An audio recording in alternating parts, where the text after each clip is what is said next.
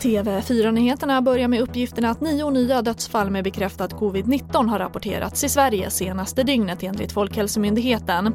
Därmed har 5 676 personer avlidit i smittan i Sverige. Och ett oväntat högt antal gravida bildar nu kö hos Stockholms barnmorskor, det rapporterar SR.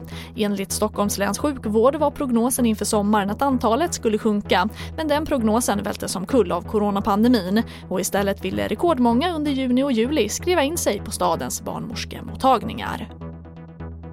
Och regeringen har beslutat att införa daglig nattågtrafik till Europa. Om två år ska det finnas avgångar mellan Malmö och Bryssel och mellan Stockholm och Hamburg, skriver DN.